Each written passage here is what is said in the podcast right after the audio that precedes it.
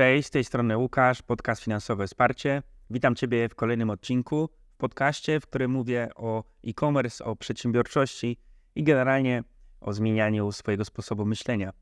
Dzisiaj na tapetę właśnie wjeżdża odcinek o pewności siebie. Też to jest związane z tym, że często dostaję takie pytanie, Łukasz, od czego zaczęła się zmiana Twojego myślenia? Czy był jakiś punkt zwrotny? I ja w swoim życiu nie staram się znaleźć jakichś punktów nigdy zwrotnych. Uważam, że proces zmiany myślenia, proces rozwoju będzie trwał całe życie. I oczywiście, że mogę wymienić takie coś jak założenie własnej firmy.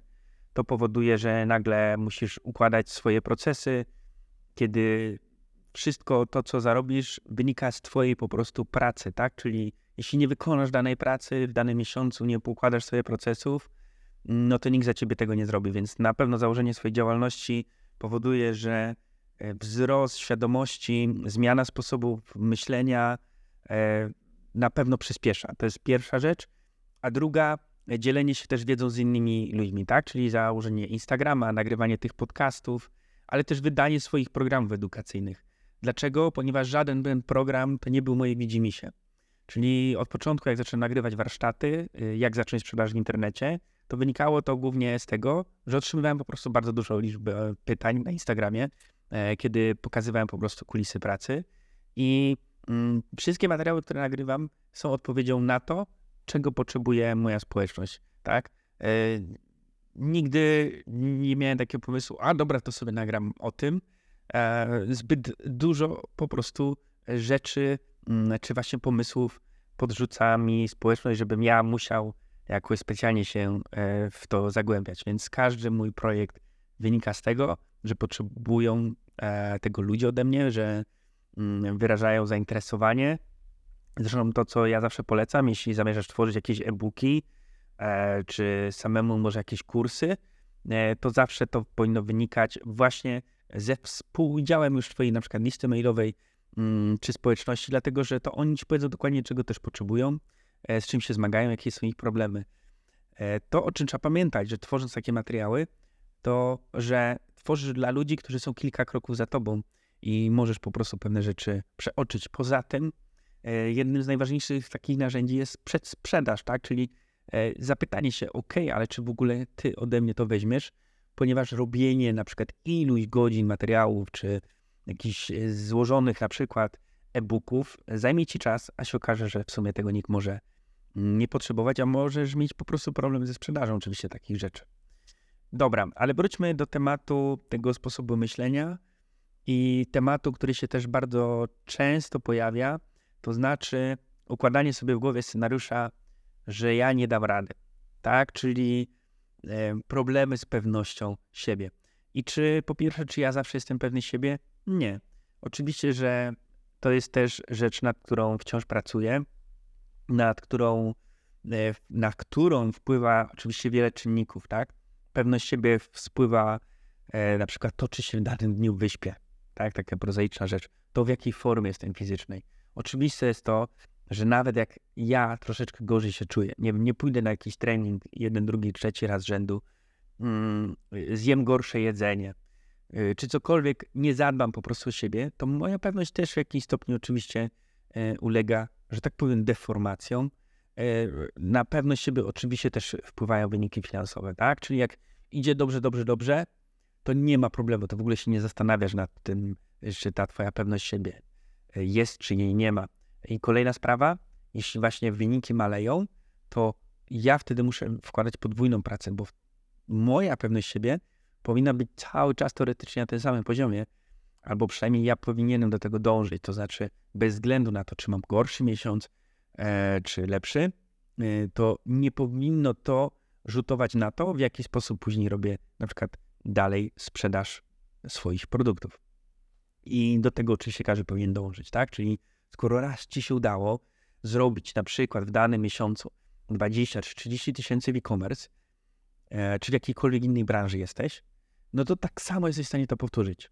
Tak? Bo masz tą wiedzę, masz tą umiejętności, to nie był przypadek czy szczęście, tylko proces działań, który do tej pory udało ci się zrobić, co doprowadziło do tego, że miałeś czy miałaś dany wynik finansowy.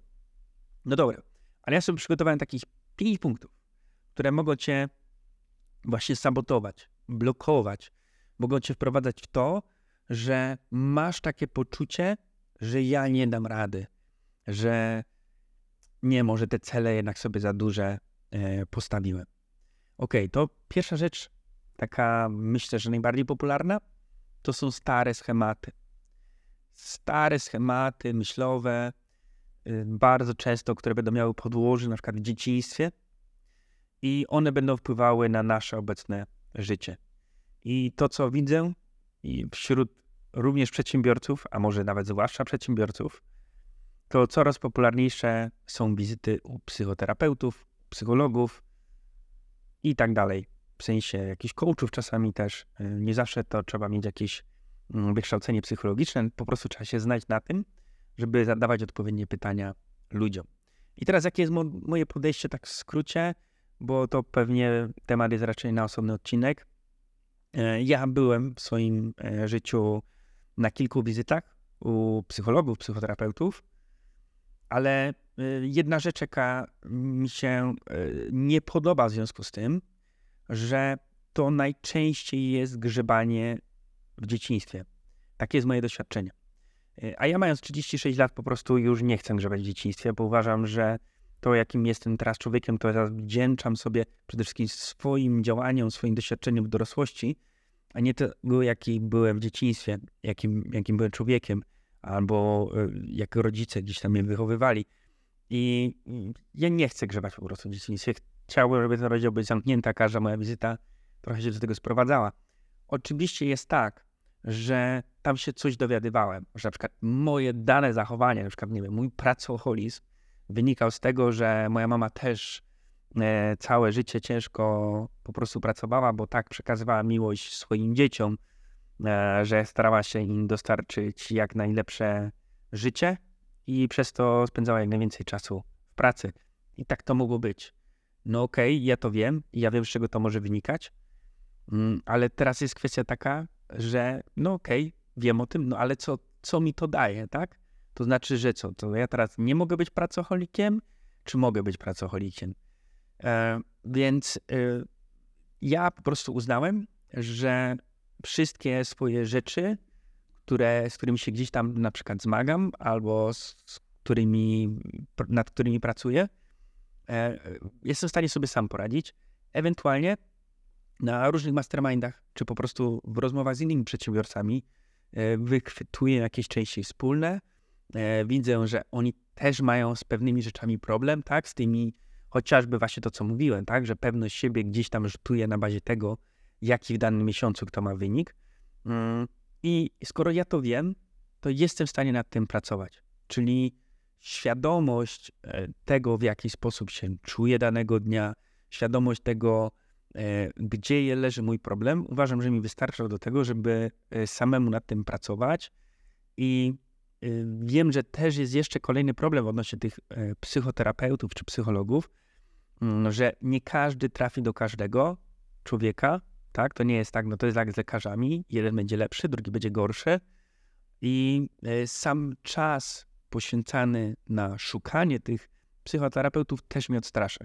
Po prostu uważam, że mm, jestem w stanie ten czas lepiej sobie go zagospodarować i on lepiej wpływa na moją psychikę. E, czy trzeba brać ze mnie przykład?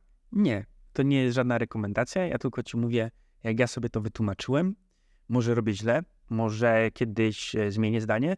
Na dzisiaj uważam, że grzebanie w dzieciństwie, jeśli ktoś mm, nawet miał trudne dzieciństwo, bo ja nie miałem łatwego dzieciństwa, wychowywałem się tylko z mamą i z rodzeństwem starszym, ale dużo starszym, więc generalnie jakby nie było na przykład ojca, więc teoretycznie jestem z takiej rodziny dysfunkcyjnej, e, rodziny, gdzie był alkohol, była przemoc też, e, ale to też nie tematy na dzisiaj. Chodzi o to, że ja nie miałem łatwego, nie miałem absolutnie bananowego dzieciństwa, mm, ale uważam, że po prostu y, naprawdę tylko jakieś mega trudne sytuacje, gdzie faktycznie uważasz, że nie wiem, y, dzieciństwo na przykład wpływa na ciebie bardzo źle y, w codziennych zachowaniach, albo naprawdę czujesz się źle, tak, to mogą być znamiona jakiejś depresji, że nie jesteś w stanie wstać z łóżka, że nic ci nie sprawia radość, to są symptomy do tego, e, aby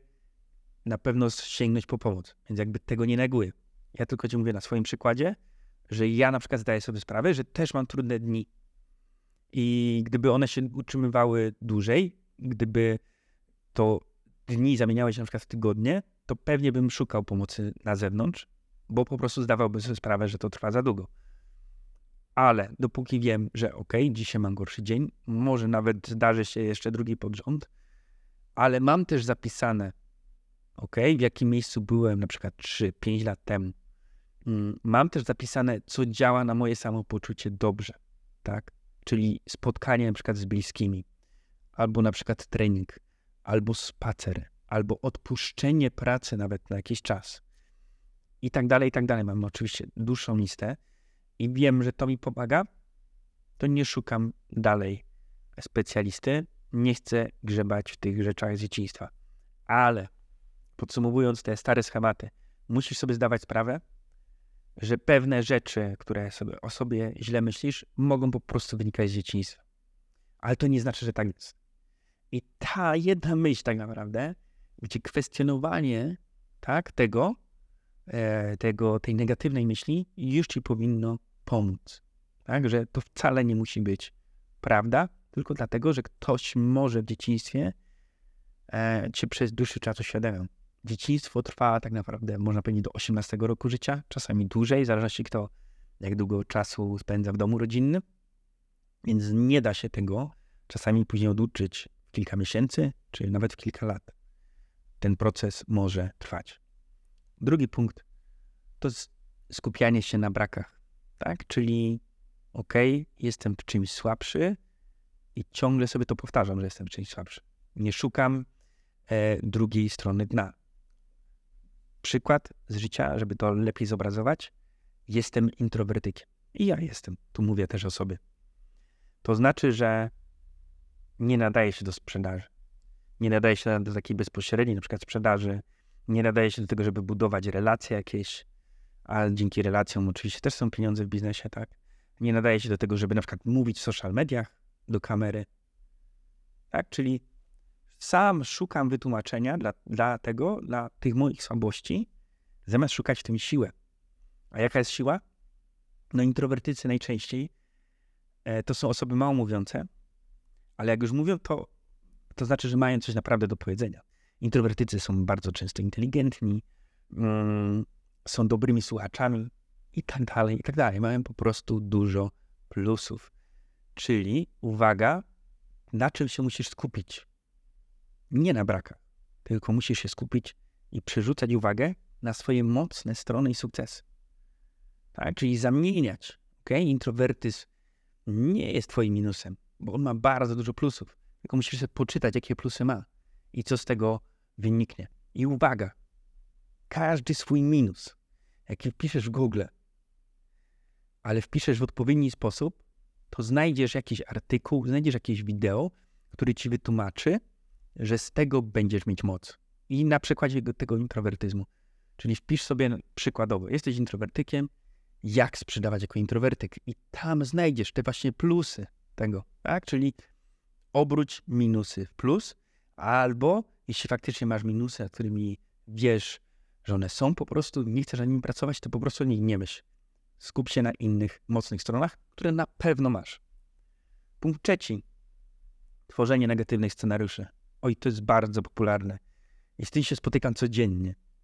To znaczy, osoby myślą 100 kroków do przodu. Osoby bardzo często myślą, o czymś negatywnym, co może się wydarzyć, ale uwaga, 90% z tych rzeczy się nigdy nie wydarzy. I mózg taki jest. Mózg chce nas oszukiwać. E, to są naturalne, obronne, e, wynikające sprzed tysięcy lat, jak człowiek po prostu, e, żeby przetrwać, musiał sobie radzić, w jaki sposób ten mózg nas wykształcił.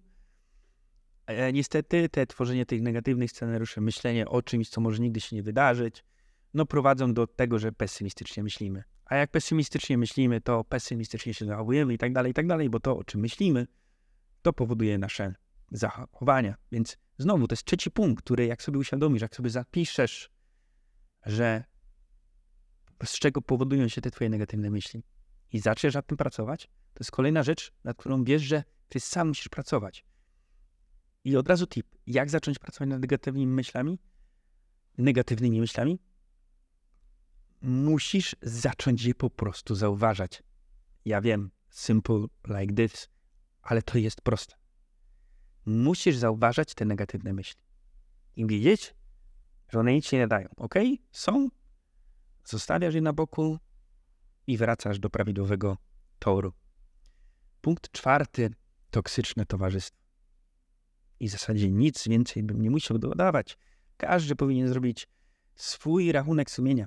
Z kim spędza czas i czy dzięki tym osobom na pewno idzie do przodu, czy osoby, z którymi się zadajesz, mają wpływ na Twoją samoocenę i właśnie na pewność siebie, o której mówimy.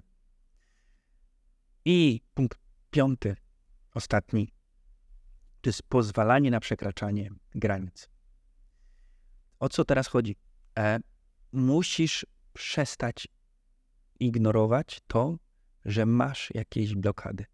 Musisz nauczyć siebie, swój mózg, swój organizm do tego, aby wychodzić poza tą strefę komfortu. Przekraczanie też tych granic to właśnie chodzi o to, że pozwalanie sobie na mówienie nie. A to bardzo często jest trudne.